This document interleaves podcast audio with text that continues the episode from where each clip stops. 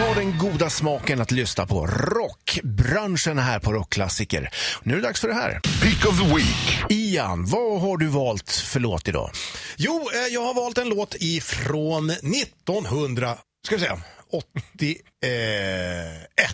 tror jag det var. Mm. Lätt övertygande, eller hur? jo, eh, det var så här, alltså, jag är ju stort Rainbow-fan. Det, var ju, Rainbow var ju min första riktiga rockkonsert och i Rainbow så sjöng ju då Ronnie James Dio.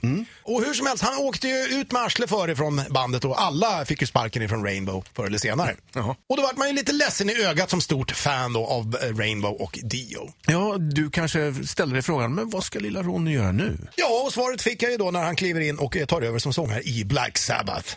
Efter att Ozzy Osbourne då söp och knarkade ut sig ur orkestern där. Vet du. De släppte ju första plattan 1980 då, Heaven and Hell med Dio som sångare. En, en klassiker i sig. Men den låten som jag har valt kommer ifrån den andra plattan som heter då Mob Rules. Ja. Och personligen så gillar jag den här plattan bättre därför att de bytte ut originaltrummisen Bill Ward som också hade mer eller mindre super bort sig totalt. Vet du. Ja. Och plockade in en ny trummis eh, vid namn Vinnie Appice.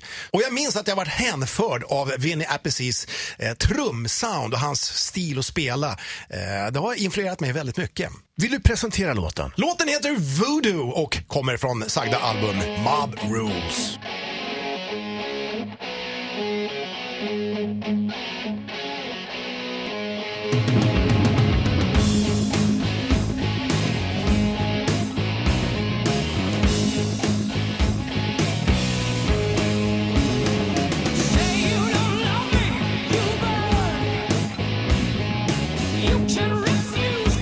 Rockklassiker. Klassiker. Ett poddtips från Podplay. I podden Något Kaiko garanterar östgötarna Brutti och jag, Davva, dig en stor dos skratt. Där följer jag pladask för köttätandet igen. Man är lite som en jävla vampyr. Man har fått lite blodsmak och då måste man ha mer. Udda spaningar, fängslande anekdoter och en och annan arg rant.